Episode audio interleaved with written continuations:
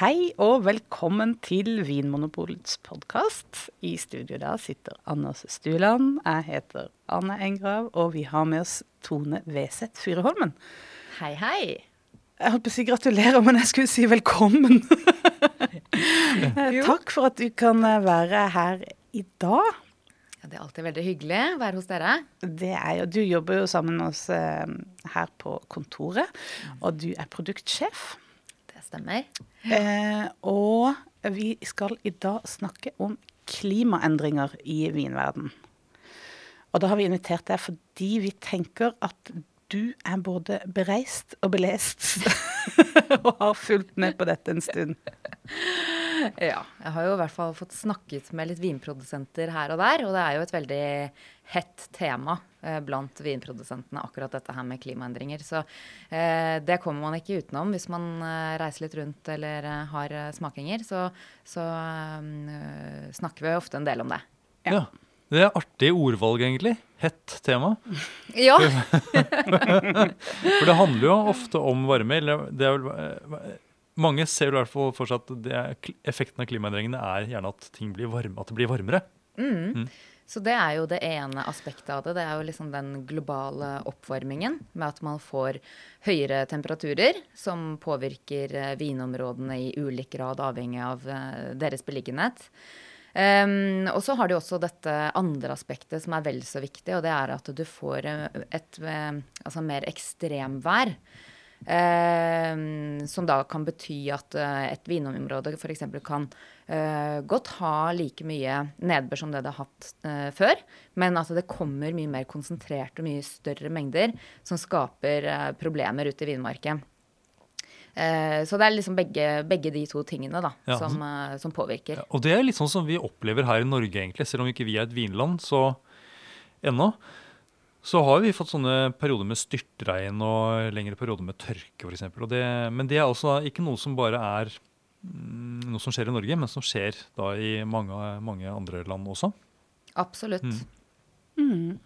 Altså, akkurat denne oppvarminga, det er jo det som på en måte er selve kilden, eller motoren i disse endringene. er jo det at det varmes opp pga. Eh, eh, drivhuseffekten. Og med det så får du da effekten at du får Det rykker en del sånne naturlige prosesser litt ut av balanse. F.eks. det her med at du får da med, med høyere oppvarming så får du også høyere, mer fordampning, som gjør at det kommer raskt Skyene fylles med vann raskere, for å fortelle det på den måten jeg forstår det. Eh, og, og da kan det da komme også styrtregn, eller da tørke. Mm. Så det, det er både den derre eh, varmen og vannmangelen eller overskuddet, eh, som det viser seg, og så dette her med ekstremværet. Eh, og hva legger vi i det? Det er jo altså vind, vann og brann. Er kanskje litt sånn? ja. ja. Nettopp. Ja, fordi sterkere Altså, hvis det blåser mer, så kan det også skade vinplanten. Ja, eh, selvfølgelig. Det kan jo Ja. det. Og hagl og Ja. Og blir det for lite vann, så, så plantene trenger vann for å eh, bare leve eller gjøre det den skal gjøre, fotosyntese.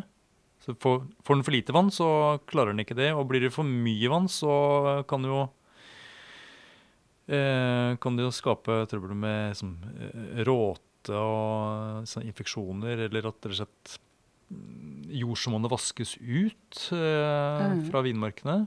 Mm. Og ja, og akkurat det eksempelet var det jo en italiensk produsent eh, i Nord-Italia som fortalte om. At eh, tidligere så, så klarte de seg både uten vanningssystemer og dreneringssystemer, men nå må de ha begge deler. For at det har både blitt varmere, og så når dette vannet, altså nedbøren, kommer i så konsentrerte mengder og så, eh, så raskt og så voldsomt, så må de også ha dreneringssystemer. Så det her er jo også eh, kostbart i, i forhold til eh, utbedring da, av vinmarken og, og tiltak som, eh, som gjøres. Så man ha, eh, mange av områdene nå de må ha ting i bakhånd for å kunne liksom takle de ekstreme svingningene. At det plutselig så kommer det et sånt kjemperegnskyll. eh, Og det har jeg jo sett selv at hvis det har vært veldig tørt lenge, så klarer ikke bakken å absorbere eh, vannet eh, like godt som det kanskje allerede når det kanskje allerede er litt, litt fuktig. Da blir vannet bare liggende på overflaten, og så renner det bare videre. Ja. Så da må man ha et system for å liksom håndtere bare det. Og i tillegg det er vanningssystem. Og i tillegg vanningssystem. Og det, og det mange av produsentene sier er vanskelig med dette her, det er at de, de kan ikke forutse så godt hva som kommer til å skje neste år, for det er jo ikke de samme tingene som skjer ofte. Så ett år så kan det være mm, hetebølge, et annet år så kan det være mye nedbør. Eh, tredje år så kan det være en eh, veldig intens eh, vårfrost. Um, som da kommer typisk litt senere enn det de gjorde for uh, flere tiår siden. Som gjør at planten da allerede er i gang med knoppskytingen, og det derfor gjør mye større skade nå enn det det gjorde eh, tidligere. Ja. Ja, jeg har også hørt det at uh, veldig mange vinprodusenter er jo en del av en sånn familiebedrift. Og dette har gått i arv gjennom mange generasjoner. Og du har blitt lært opp av din far og din bestefar, og du har fått liksom generasjoner med erfaringer uh, overlevert til deg. Men at det på en måte ikke er så gyldig lenger, fordi at det er helt andre utfordringer som eh, som eh, viser seg, og, og du må ha en annen form for kunnskap. Så kanskje en sånn kjøligere og sender barna sine på eh, utveksling til Australia eller varmere steder da, for å, å være bedre forberedt på det som skal komme. Mm. Og det er litt sånn interessant bare sånn familierelasjonene også, at det endrer seg litt. Far mister litt uh, status. Så tørke eh, eh, eh, For mye nedbør i en kortere periode. Eh, feil nedbør, altså hagl. Ja.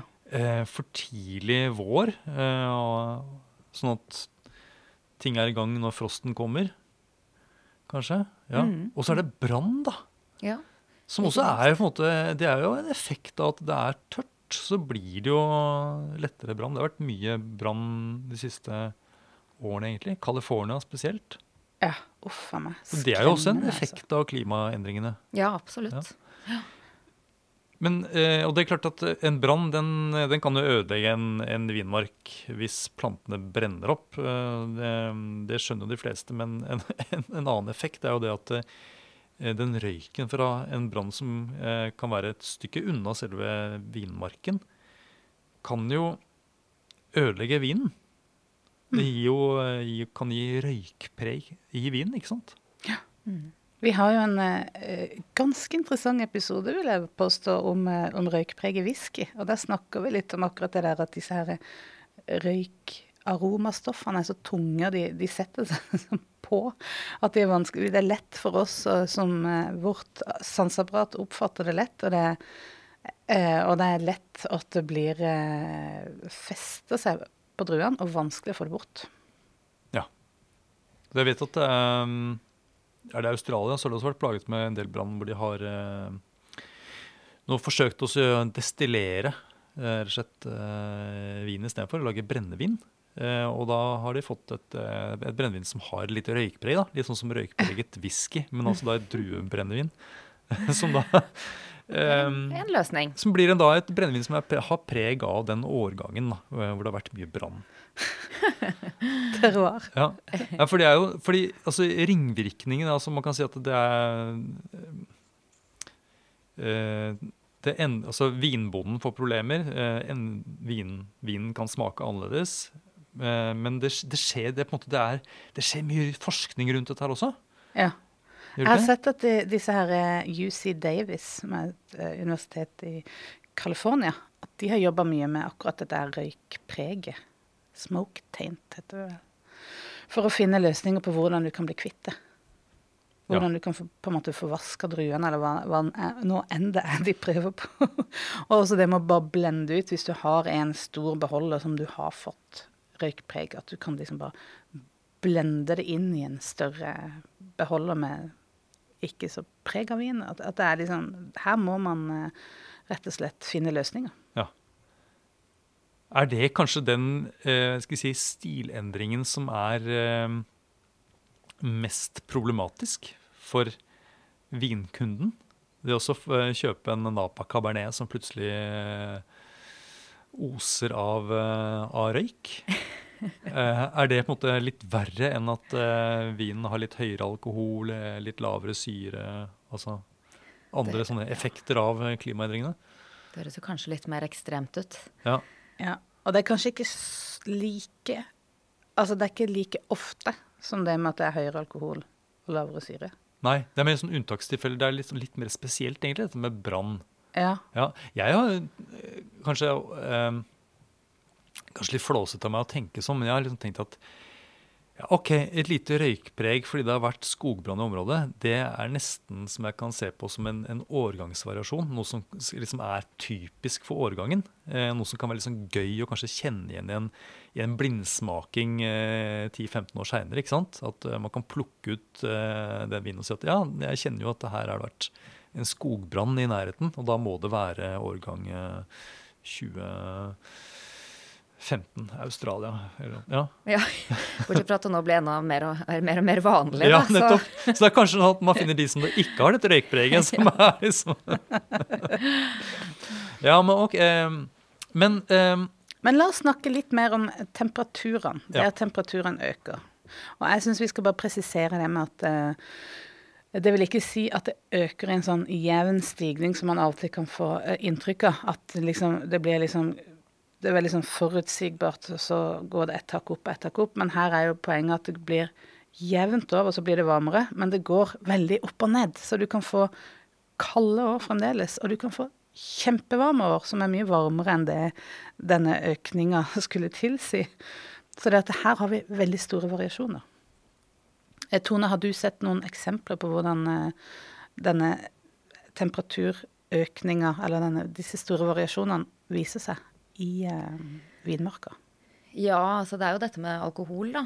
Eller sånn typisk eh, ja, vinproduserende områder i Europa som i utgangspunktet er forholdsvis varme. Du kan jo ta f.eks. Piemonte eh, som et eksempel, og Lange, der hvor du har Barolo og Barbaresco. Eh, det er jo definitivt et område som har merket disse eh, temperaturendringene. Eh, og alkoholen, den, eh, den sniker seg jo stadig på vei oppover. Og det er jo noe produsentene er frustrert over. Du, du vil jo helst ikke ha en Barolo på 16 Um, det, det handler jo om hva slags type balanse du finner i vinen, da. Og så er det jo dette her med, med modningen, at du er jo egentlig For god vin så er du avhengig av en ganske lang vekstsesong, for det er da du får disse fine nyansene eh, og aromakomponentene, sånn at de utvikler seg på best mulig måte. Um, hvis du har en veldig sånn kort, intens varmeperiode, så kan du uh, uten problemer få et høyt sukkernivå i, i vinen, altså i druene, og videre ut i, i vinen i form av alkohol. Men du oppnår ikke nødvendigvis den fenoliske modningen, som betyr da uh, modne tanniner og også utviklingen av disse fine aromakomponentene som du ønsker. Um, så uh, du kan ikke bare plukke druene litt tidligere eh, når du har det sukkernivået i druene som du ønsker. Eh, det er også andre aspekter å hensynta. Eh, og hvis du ser da videre til eh, fortsatt i Piamante, så, så er det jo om, andre områder der som har eh, ligget litt i skyggen av eh, mest kjente lange, da. Eh, hvis du tenker på Nebbiolo-druen som, eh, som eh, brukes i stor grad. Og, det er jo Nord-Piemonte, som, eh, som ligger eh, litt sånn i foten av, eh, av Alpene. Der kan du fortsatt da få Nebbiolo til eh, 12,5-13% Så det er jo et område der hvor det har blitt litt lettere igjen. Så der oppnår du optimal modning uten disse veldig høye alkoholnivåene som du får litt lenger sør i samme region. Mm. Også en sånn en Barolo med 16% alkohol. Um, hvordan vil du beskrive sånn, sånn smaken eller på en måte inntrykk av en sånn uh, vin? Nei, Det vil jo være en fare for at den alkoholen er ubalansert da, og vil overdøve eh, vinen. Eh, absolutt. Ja, Og så snakket du om disse aromaene. Er det sånn at da vil den ha mindre nyanser av, av aromaer? Vil den virke liksom Ja, og så kan du jo også få i Du kan jo også få, altså, i typisk et varmere klima, at du får mer sånn uh, kokt frukt, ikke Ja. sant? At uh, det, er, det er det du ender opp med. Uh, så det stiller jo veldig høye krav til hvordan man håndterer eh, vinmarken eh, fra, fra, vinbondens side. For å, for å jobbe liksom med den balansen. Og det er jo det de jobber veldig hardt for å finne ut av. Hvordan skal de best jobbe for å få optimal eh, modning, men ikke for høye alkoholnivåer. Ja. Fordi Noe av grunnen til at sånn som Barollo og Barbaresco, som er disse kjerneområdene for Nebbiolo, har blitt så kjent, er jo fordi at det var områder som hvor de klarte å få perfekt modning for Nebbiolo, sånn at du kunne få eh, skikkelig høy kvalitet på vinen. Mens da disse områdene som ligger nærmere enn Alpene, som du har nevnt, de har liksom ligget litt på minussiden tidligere, kanskje. De har, liksom, de har slitt litt for å få god nok modning. Så de har, nå, de har hatt litt å gå på. Eh, Absolutt. Når eh, det da har blitt varmere. Ja, og så kan det, altså, det er jo en sånn generell trend også at uh, man ønsker jo ikke ja, ofte så veldig alkoholsterke viner. Det går jo en litt mer sånn lettere trend for rødviner, ikke bare i Norge, men også i andre litt sånn toneangivende markeder. Eh, så det er jo litt i strid også med hva som ønskes fra en konsuments perspektiv også. Mm. Det er litt interessant at nå vil vi ha de vinene som er liksom lette og delikate, nå som det er vanskeligere å få til. Mens tidligere, da det var lettere å få til, da skulle vi ha de der svære, massive ja, men, ja, men jeg er jo litt i tvil om det har liksom endret seg så veldig, egentlig. fordi Chateauneuf de Pape, da, som er den appellasjonen som ligger sør i Frankrike, det er jo et område som er uh, Det er også varmt. Der er det vel vinloven De krever vel at det skal være 12,5 er det ikke det, uh, i en uh, Chateauneuf de Pape? Det er liksom så, Å tenke 12,5 det det får de til. Det får de til veldig veldig enkelt i det området. Men hvis jeg tenker hvis det var eh, liksom det kritiske skillet eh, en gang i tiden, så så er, det, så er det mye som har endret seg. ja. ja. Det kan du si. Hvis man var liksom, tenkte at ja, en, en chatnøttpapp med 13% det er en god chatnøttpapp, det var det man tenkte før, så tenker jeg at ja, det kan godt være at vi eh, egentlig tenker litt likt fremdeles. Det er bare det at eh, alkoholnivåene har blitt så høye. Ja, ja. Mm. mulig det. Ja. Og det er jo en annen eh, produsent jeg snakket med i Piemonte, han sa at noe, og det er i Lange, Barbaresco faktisk, som sa det at han hadde jo, etter de eh, varmere temperaturene, så hadde han faktisk ikke hatt råte på druene sine siden 1994. Så det er jo positivt. Men dette her er jo et kooperativ, så tidligere så pleide de å betale i henhold til sukkernivået i druene. Fordi det var jo om å gjøre å få eh, nok sukker egentlig i de druene. Men det er jo helt utdatert nå. Ja. ja. Nei, så nå må man, uh, må man, måle eller på en måte betale for uh, andre liksom, parametere i, i druene. Ja. Ja. Hm. ja, så er det noe med det her at vi har snakka om det at når, når druen ble moden, så måler du det gjerne på sukkernivå. Og samtidig med at sukker stiger, så synker syrenivåene. Sånn at de tidlige druene er syrligere enn de som høstes seinere. Eh, så ved å få en raskere sukkermodning, så får du også en lavere syre. Men så har vi også funnet ut av, eller vi har ikke funnet ut av det, men det er sånn at når eh, eh, eh, altså Vekstsesongen starter tidligere og slutter tidligere. Og det er ikke bare at den forskyver seg på året, men den blir også kortere. Fordi når drua blir eh, på det tidspunktet av sitt drueliv at den eh, begynner å bli eh, saftig. Altså at den er mer enn bare en sånn hard klump. Når den skifter farve hvis den skal bli en blå drue, eller blir litt gulere hvis den er en grønn drue. Når den kommer i puberteten, på en måte? Mm, akkurat. Mm. Etter at den kommer i puberteten. Da skjer dette på et tidspunkt av året som er mye varmere. Så det at når du får den siste modninga i en varmere, altså midt på sommeren istedenfor litt eh, på tidlig høsten, så vil det gå mye fortere. Så derfor vil altså da vekstsesongen bli kortere. Og du vil ikke få den eh, det er en ting at du vil få andre typer aromaer når det er så varmt, litt mer sånn mot det kokte.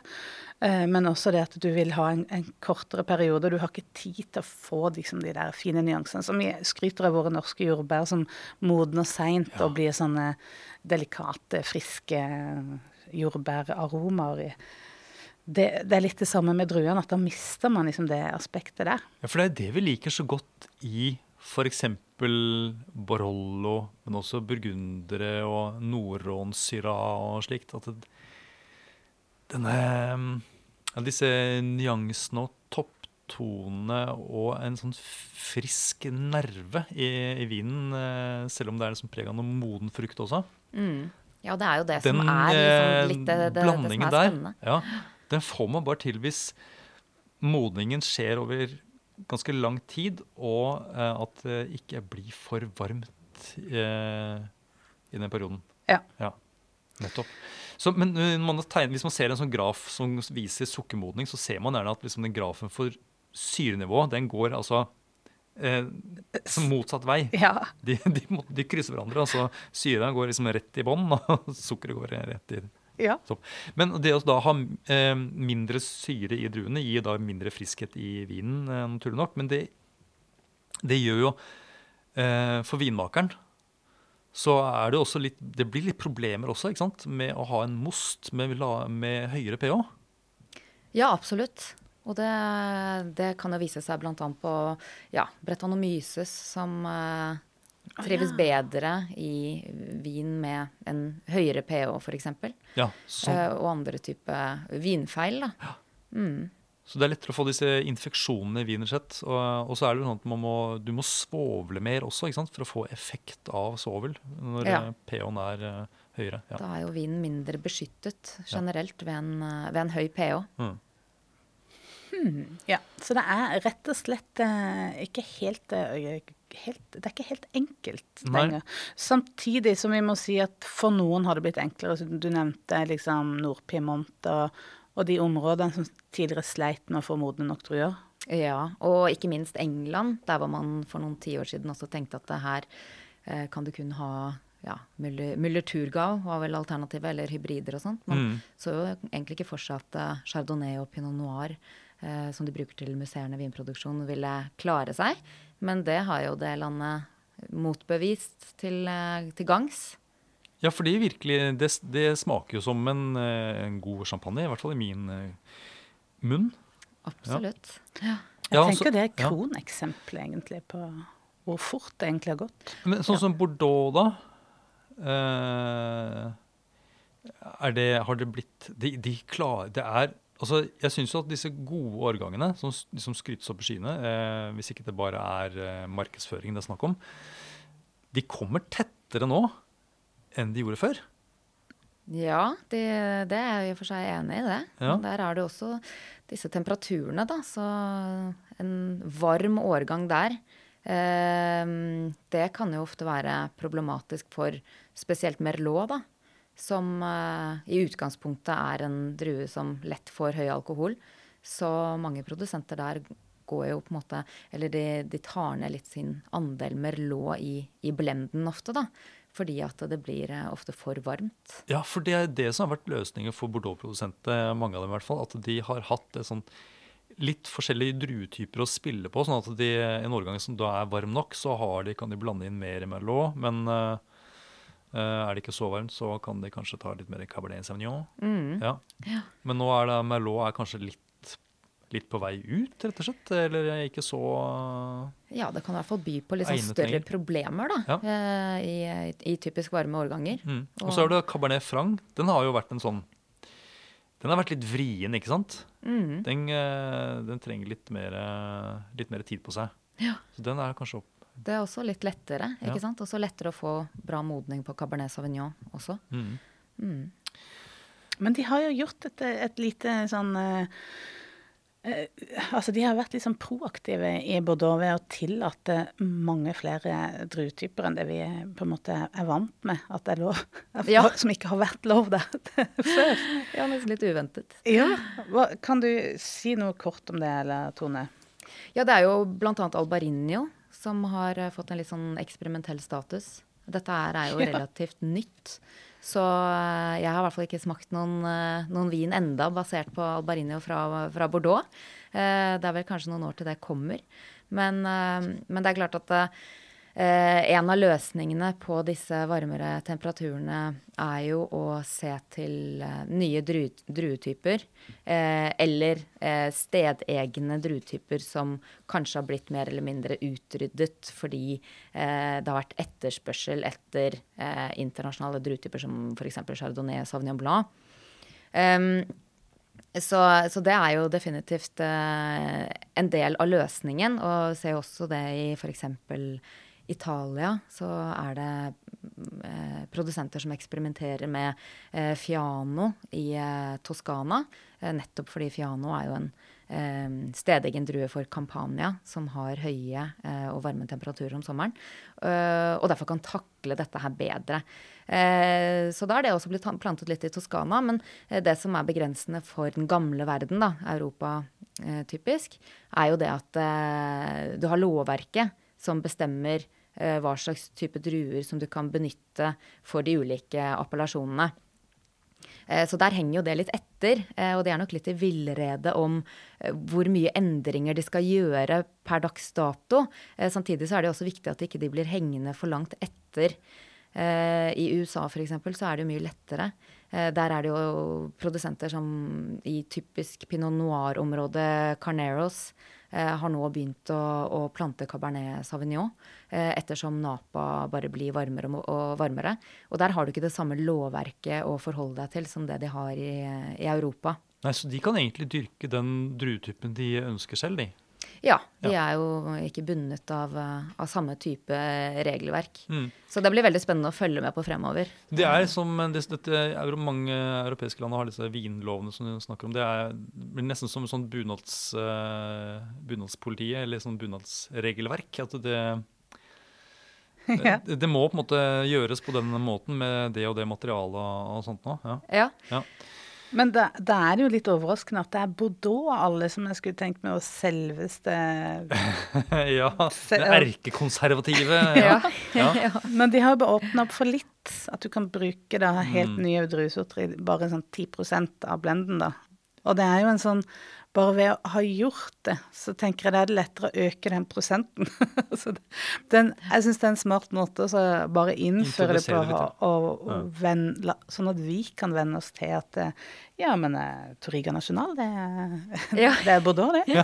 Men det er vel sånn at de begynner da, de liksom lavere liksom, nivåene i, uh, innenfor Bordeaux. ikke sant? At det er det som bare er klassifisert med vanlig Bordeaux, som man kan blande inn. ikke sant? Det er ikke i, i Pomerol og ja, det er sånn jeg har forstått det. Ja. Mm. Så det er jo kanskje noe som andre områder kan uh, gjøre også. Men uh, ja. Nei, jeg bare tenker uh, Mange har jo kritisert Chablis. For, eksempel, for å være et område som ikke lager Chablis lenger. Hvis man skal ja. liksom, snakke om liksom, hva man ser for seg som en typisk Chablis-stil. kan det være en løsning for dem å bruke druetyper som trenger litt varmere klima? Altså, det, det, kan jo være det. Jeg, jeg, ser for meg at du har Hvis utfordringa er at vekstsesongen blir kortere eh, og tidligere, så er det et poeng da å få den eh, spredd ut. Du, skal, vil, du vil liksom på en måte forsinke denne modninga. Det er liksom selve hovedutfordringa. Og da kan jo du kan bytte druetype da kan du jo oppnå virkelige resultater. For alle mulige andre som handler om oppbinding og andre sånne vinmarkstiltak, det vil ikke ha så stor effekt som vi vil bli nødt til å på en måte forberede oss på. Da, for dette, det er jo ikke som om Det kommer jo ikke til å bli kaldere igjen. Så dette, vi, det kommer jo til å kreve noen ganske sånn drastiske endringer. Så selv om vi ikke kjenner eh, Chablis eh, med noe annet enn Chardonnay, så, eh, så vil det komme til å bli fremtid Men det bare spørsmål om hvor lang tid det tar, tenker jeg. Mm. mm. Jeg tror nok at vi også kommer til å se eh, flere druetyper som man egentlig aldri har hørt om. Litt mer sånn på lengre sikt. Eh, nå er det jo bl.a. et sånt eh, eh, forskningsprosjekt i Catalonia, der hvor en produsent har virkelig gått i dybden for å finne tilbake til områdets ordentlig opprinnelig stedegne druer, som på et tidspunkt ble helt utryddet til fordel for internasjonale druer som chardonnay osv. Um, og de har jo bl.a. funnet frem til en hvitvinstype blant de mange som de eksperimenterer med, som uh, høstes en hel måned etter chardonnay. Uh, men foreløpig så lages jo dette her i veldig veldig små volumer. Men det er nok noe som kommer til å plukkes opp mer og mer av produsenter når de ser uh, hva slags effekt det kan ha. Nettopp. Så dette her er altså, druer som var vanlige i området for lang tid tilbake, mens man kanskje la på hylla fordi det var så vanskelig å få modne nok druer. Men nå er de eh, Ja, og at det ikke var eh, etterspørsel etter det, Ja. rett og slett. Og det er jo det samme du ser også i Friuli, med, med de internasjonale druene som også der overtok vinmarker som var plantet opprinnelig med eh, Ribolla Jalla. Eh, Ribolla Jalla kommer jo nå mer og mer tilbake eh, og plantes mer og mer fordi det er en drue som har naturlig høy syre. Den har en naturlig lav pH. Eh, samtidig som den oppnår eh, den modningen som du vil ha, eh, og egner seg veldig veldig godt til et eh, varmere klima. Så det er jo en drue som har vært i området hele tiden, og som har vært utsatt for veldig mange klimatiske endringer opp igjennom. Eh, og derfor klarer disse druene seg ofte, ofte bedre da, Ja. i sitt opprinnelige voksested. Så har du også dette med rotstokker, som også er litt interessant. Eh, fordi den mest, altså, dette her har jo med forskning som ble gjort eh, opprinnelig i forhold til fyloxeran, som er jo eh, ja, veldig lang tid siden. Eh, du har ikke gjort så mye forskning enda på eh, rotstokker og tørke, f.eks. Eh, og varmeresistens, da. Så der ligger det også sikkert et potensial. I tillegg til, eh, til eh, at du, har, du kan også gå litt sånn dypere inn i eh, mer tørkeresistente kloner av ulike druer. Sånn som flere toskanske produsenter har gjort nå med Sangiovese. Eh, og funnet frem til mer tørkeresistente eh, kloner av, av sin, eh, sin stedegne drue, for å fortsette det. For det er jo et veldig viktig historisk element også i disse vinlovene. Så det er jo en, eh, en vanskelig diskusjon, i tillegg til at det, det er ingen som helt vet hvordan verden sånn rent klimatisk kommer til å se ut om 20 år. da. Hva som faktisk kommer til å funke, og hva som ikke kommer til å funke, og hvilke endringer man må gjøre. Mm. Så man kan, um, man kan fortsette å bruke som de vanlige druetypene. Man gjøre noen endringer som går på rotstokk, eh, klon, som du sier. Hva med oppbinding, f.eks.? Kan det være noe som Oppbinding, en beskjæring? Det er Ja. kanskje også noen eh, måter å Absolutt. takle klimaendringene? Ja, jeg, har, eh, altså jeg tror spesielt på det når det gjelder tørke. Så tror jeg både kloner og rotstokk vil være en veldig viktig på en måte, redskap for å, å møte de utfordringene med tørke. Og når det gjelder eh, modning og den eh, forlenginga av den modne, modninga, eh, da har jeg hørt at ved å redusere eh, holdt på å si canopyen, bladverket for mindre bladverk. Eh, og, og finne med sånn optimal sånn forhold mellom frukt og bladverk, så kan du forlenge modninga også. Så det er litt sånn Det krever mer arbeid i vinmarka, da. Du må gå ut og kanskje plukke vekk blader, men sånn at du eh, på en måte tar vekk Bladene er jo på en måte sukkerfabrikken i planten. Så ved å ta vekk noen blader, så kan du kanskje også forlenge kanskje til og med så mye som opptil tolv dager, har jeg sett. Eh, at det har blitt oppgitt. Ja. Så det er jo noen sånne Også dette med hvor høy eh, stamme du har, og en del sånne praktiske ting. Men jeg tror dette er sånn på kort sikt, eh, og, og du nevner 20 år. Jeg tror, det må, jeg tror det må større tiltak til om 20 år hvis forandringer skjer så fort som det har gjort de siste ti åra, i hvert fall. Mm. Og så har vi nå snakket om områder hvor, vi, hvor det går ganske greit, egentlig. Eh, sånn som Chablis. Og Chablis er et område hvor man har delt opp i altså, ulike klassifikasjoner. Hvor man tenker at noen av vinmarkene er bedre enn de andre. Og det har, jeg, har jo gjerne handlet om modning, f.eks. Da er, I framtiden vil det kanskje bli slik at man jobber mot modning i de beste Ja. i de liksom, Grand Cru-vinmarkene. Eh, mens man kanskje ikke behøver å jobbe så mye eh, i ja, altså Petit Chablis og vanlige Chablis-vinmarker. Men det vil jo kanskje bety at ulikheten kvalitetsmessig blir mindre, hvis du skjønner hva jeg mener? Ja. Eh, mellom eh, de områdene som man før kanskje ikke fikk optimal modning, mm, og de gode, eh, gode vinmarkene.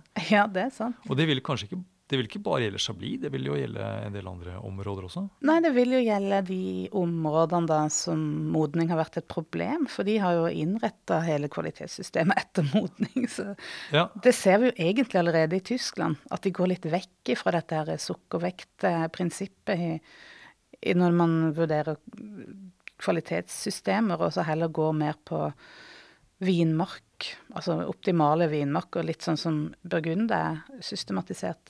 Ja.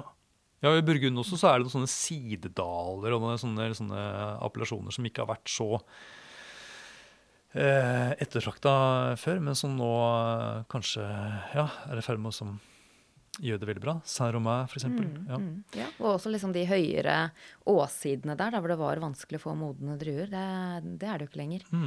Så også innad i disse regionene så, så, skjer det jo uh, så skjer det jo ting. Ja. Mm.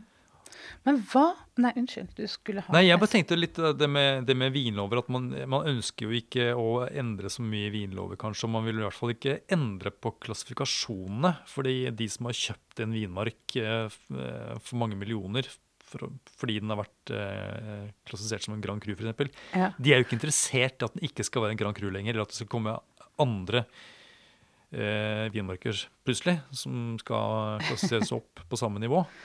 Det er, det er noe Nei. som måtte denne, Dette markedet rundt vinmarkene og alle, ja, pengene gjør at man, man sitter litt fast i et, et, system også. Ja, det vil jeg absolutt si. Og det, jo, ja, det skal jo mye til for, å, for, at produsenter med ulike eierandeler her og der blir enige om sånt. Mm.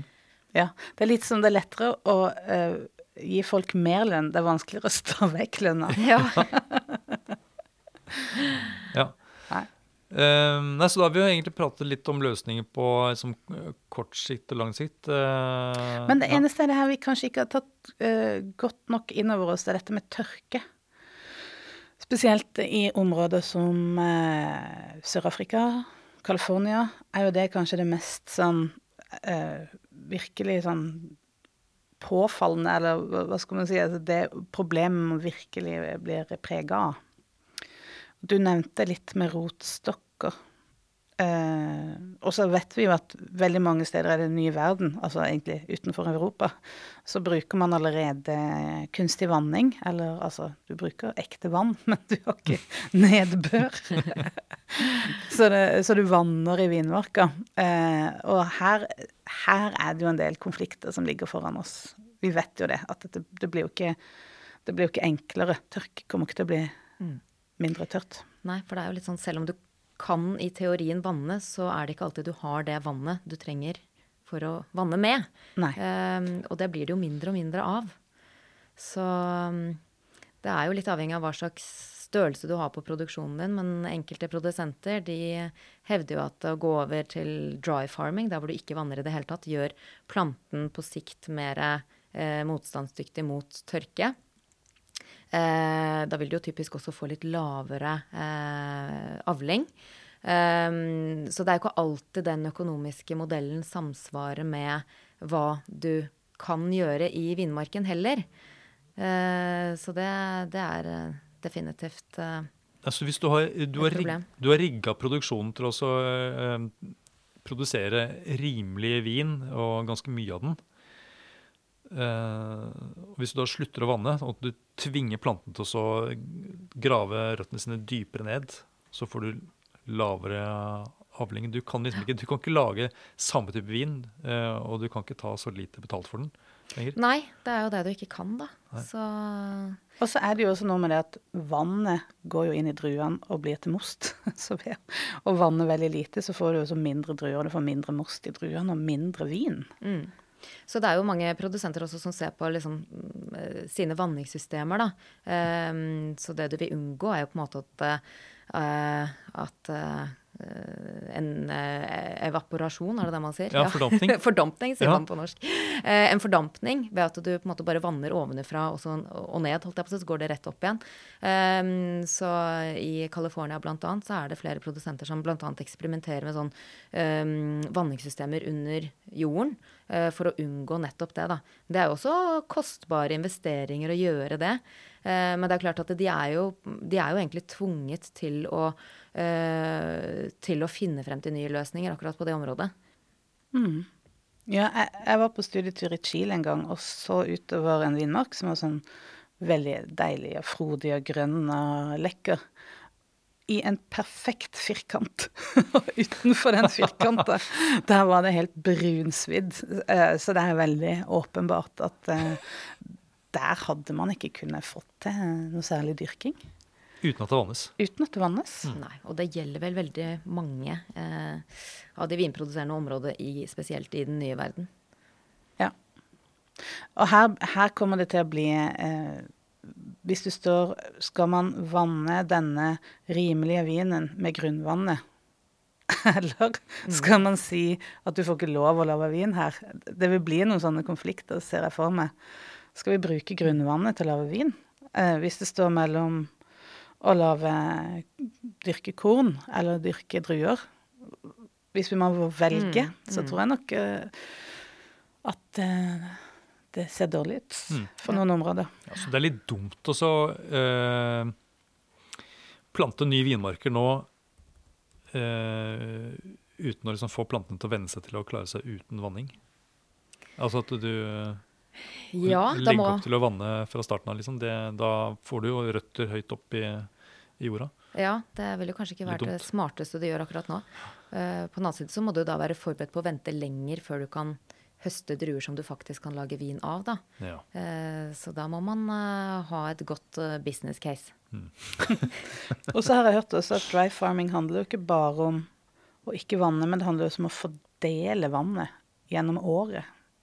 Så det, det, det lille vannet som kommer, og klare å på en måte på en eller annen måte fordele det utover i vekstsesongen. Og f.eks. hvis det kommer nedbør på vinteren, da. Mm. Finne måter å bruke det på et halvt år senere. Lave bassenger, liksom. Ja, og sånn som er det i Heres i, i Spania, det sherryområdet. Der er det jo sånn at De får jo mye nedbør på vinteren. ikke sant? Og det har, De har et sånt kalkrikt jordsmonn. Og kalk det er jo Og leire det binder jo Holder jo godt på, på fuktigheten.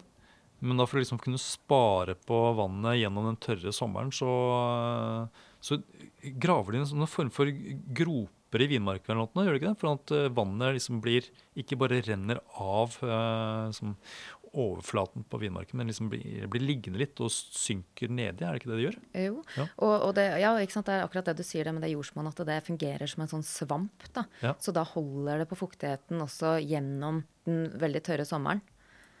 Så, så jordsmonnet sånn sett er jo også av, eh, av eh, svært viktig betydning. Ja. Så disse svampjordsmonnene de er en eh, fordel. Disse kalk- og leirejordsmonnene. Mm. Ja, da har vi kanskje snakka om tørke. Hvilke områder er det som er Vi snakket da om eh, Napa, California, som er i ferd med å bli for varmt og har mye trøbbel med brann og sånt nå. Eh, Er det noen andre områder som vi tenker er liksom Vi har snakket om de områdene som har fått det litt bedre. Hvilke, områder, er- hvilke områder er det som er som sliter? Ja, Sør-Afrika har jeg hørt eh, Ja.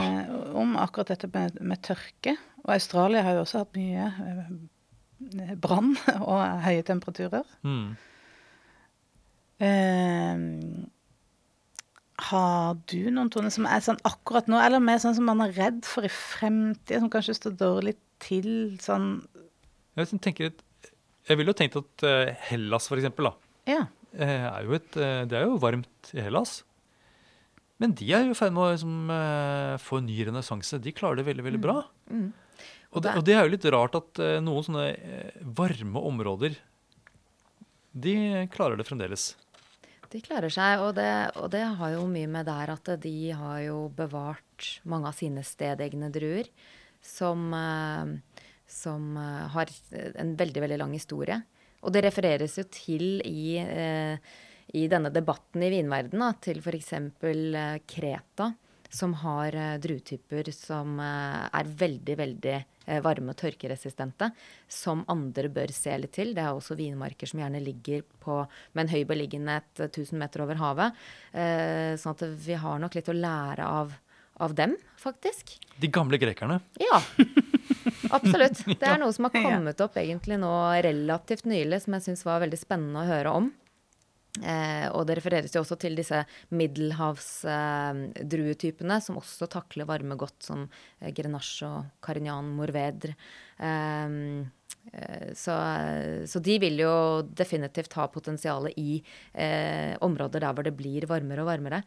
Jeg tror liksom det at områder som sliter, det, det, gjelder veldig, veldig mange områder i Europa generelt, egentlig, i forhold til nettopp det at det blir mer uforutsigbart.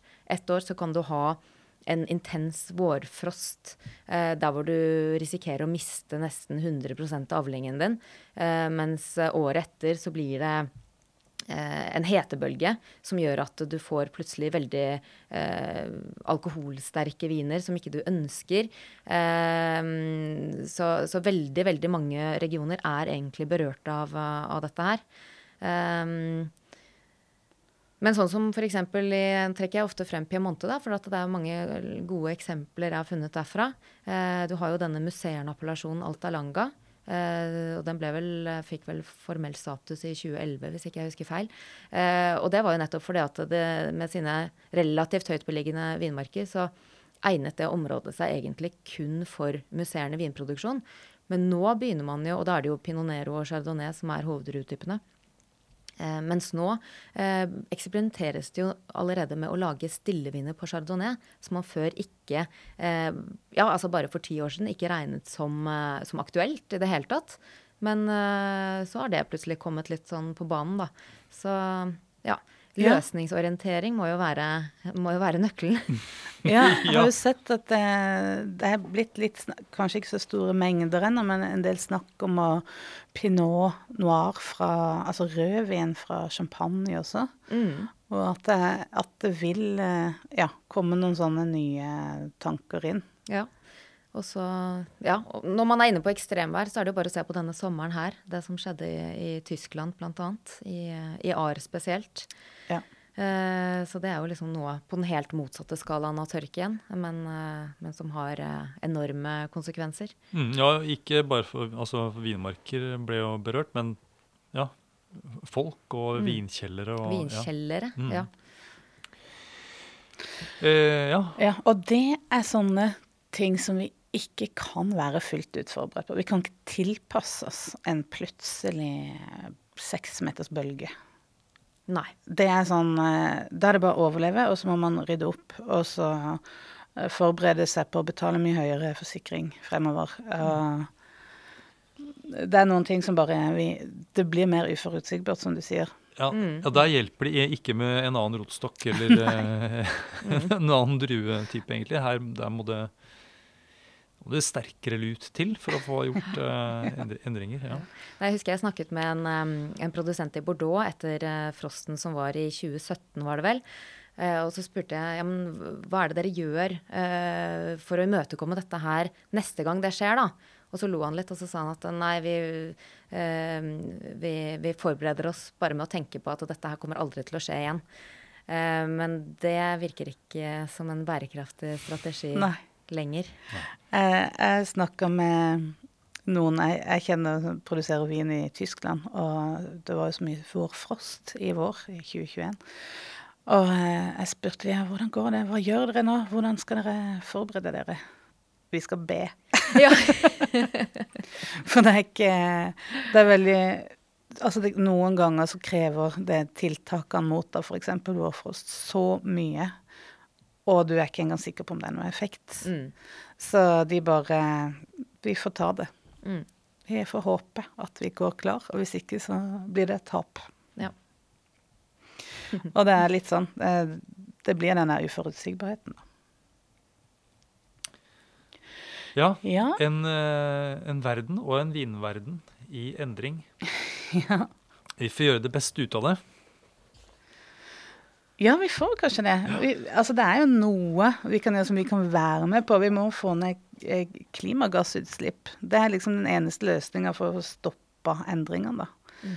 Utover det så er det jo bare tilpasninger vi kan gjøre. Og det eh, har bare sånn middels effekt, de fleste. Så blir det jo spennende å følge litt mer med på skandinavisk vin fremover også. Ja. Ja, altså kan Det er kanskje det folk har eh, jobbet med i det skjulte.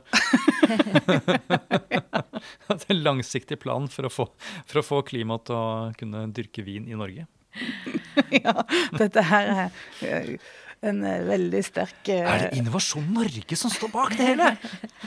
At norske druedyrkere, vi det? vi er en veldig mektig liten organisasjon. Men jeg har jo tatt med til dere i dag en eh, liten smaksprøve fra eh, min egen vinmark i Kristiansand. Mm. For det er jo også en av de som, liksom, løsningene som man på en måte prøver å, å komme opp med, at man skal flytte vinmarkene lenger nord for å få kjøligere forhold. Og Norge er jo kanskje noe av det mest ekstreme der man kan komme til. og eh, siden vi da har prøvd å, har prøvd nå å formodne Riesling i, siden 2008 Og det har skjedd to ganger. Det har det faktisk. Og det i seg sjøl er jo ganske ekstremt. Eh, men i år så er det ikke akkurat eh, like, like vellykka. Så eh, 2021-årgangen er mer en sånn normalårgang for eh, eh, for norsk klima i vinsammenheng. Kan jeg ikke få smake på en av disse veldig grønne druene som ligger foran dere? Jeg tar en eh, Det ligger altså På en tallerken her så ligger det da en drueklase med grønne Vi får kalle det druer, da. De ser ut som De er større som en blåbær, kanskje? ja, eller ser ut som litt sånn store erter. Ja, Og de er nesten like harde. Ja, de er eh, Ikke veldig myke. Nei, hvis jeg er sånn oppå blokka mi, så ja, Sånn høres den ut. ja. Skal Ja. ikke være frekk. Nei, nei men må, jeg- må bare liksom eh, fortelle lytterne på en måte hvordan dette er. Mm, nå putte, skal vi putte den i munnen, da. Samtidig. Mm. Kan jeg ikke beskrive hva dere, Å, herr! kan jeg ikke beskrive hva dere opplever nå? Jeg er fryktelig, fryktelig sur. Det er, her er benchmark på syre. Og, og så er den, den, er, den snerper en del også. Å, jeg får frysninger bare å se på Det dere. er sånn, Dette er veldig surt. ja. Det er sånn, sånn konsentrert sitron og blanding av sånn grønt bananskall. Og litt rabarbra. Og litt rabarbra. Rabarbra var egentlig godt sagt. Um, Nydelig. jeg kan ikke si at jeg kjenner noe særlig sukker der, altså. Jeg vil ikke si at det var en, en søt drue. Det var det ikke. Nei, det er veldig lite sukker i. Det er, det er 21 øksler, og jeg, jeg, jeg skal jo høste på over 70. Så det er, øh, og vi er nå i, september. Hvilken dato har vi da? Er det ikke eh, 12. eller, eller 14. eller noe sånt? og det er, det er nok ikke noen mulighet for at disse druene skal komme i land i løpet av en måned. Da må det bli en veldig varm høst fra nå. Ja. Mm. Og det er jo liksom litt av det paradokset med at eh, vi har jo hatt en veldig varm høst. Det har jo vært varmerekorder i hytt og pine. Ja, det er sant. Og vi har hatt en veldig varm sommer. Men så hadde vi altså en kald eh, vår. Så plantene kom ikke i gang, så denne her eh, vekstsesongen som vi snakka om, er blitt altfor kort. De trenger en, Rieslingen trenger en mye lengre vekstsesong. Den må komme i gang tidligere. Og, og det gjør den. Planten begynner ikke før det er liksom ti grader rundt den. Og, da, og det tok lang tid før det ble så varmt eh, i vår. Og eh, så har det vært tørt i hele sommer. Det har jo nesten ikke regnet. Og det betyr jo at modninga har jo gått veldig seint, det òg. Planten har vært liksom litt sånn i, i, på sparebluss. Mm, Og du sånn, merker det sånn på, på det at de er så harde òg. Det er jo nesten ikke vann i druene. så det er, mange, det er mange ting som skal klaffe. Det er ikke bare å gå lenger nord og få det kaldere. Ja. Det må litt mer til enn det. Hvis du hadde presset disse druene og satt dem til gjæring, hvor mye alkohol ville du fått Åh, da, nei, det hadde fått til en gjæring med den pH-en der. Kanskje ikke, nei. Jeg tror ikke det skulle vært en veldig potent gjær. Ja. Nei, for den er kanskje mer som desinfeksjonsmiddel. Antibac. Ja, det kunne nok Jeg har et år eh, vært såpass eh, mye druer, og saftige druer, til at jeg kunne presse det og så få en sånn veldig syrlig verjus, som jeg på en måte bruker istedenfor eddik. Det er en sånn sursøt mm. med et sånt til matlaging. Som eh, kan også brukes som en litt sånn pick me up-shot for å få dagen i gang. Men tusen takk. eh, Jeg får vel, vi får vel si tusen takk eh, for smaken. Det er jo litt unikt jo, ja. å få smake på dette her. Ja. Ja, ja, ja da, det er unikt. Det kan man jo Norsk. si. Norsk Riesling eh, 2021 der. Ja. Litt, eh, litt, litt høy syre. Kjølig, kjølig klimastil. Ja, det må man si. Enn så lenge. Ja. Takk for at du hører på Vinmonopolets podkast. Har du forslag til et tema i podkasten? Send mail til podkast at vinmonopolet.no. I tillegg svarer kundesenteret deg på e-post, chat og telefon.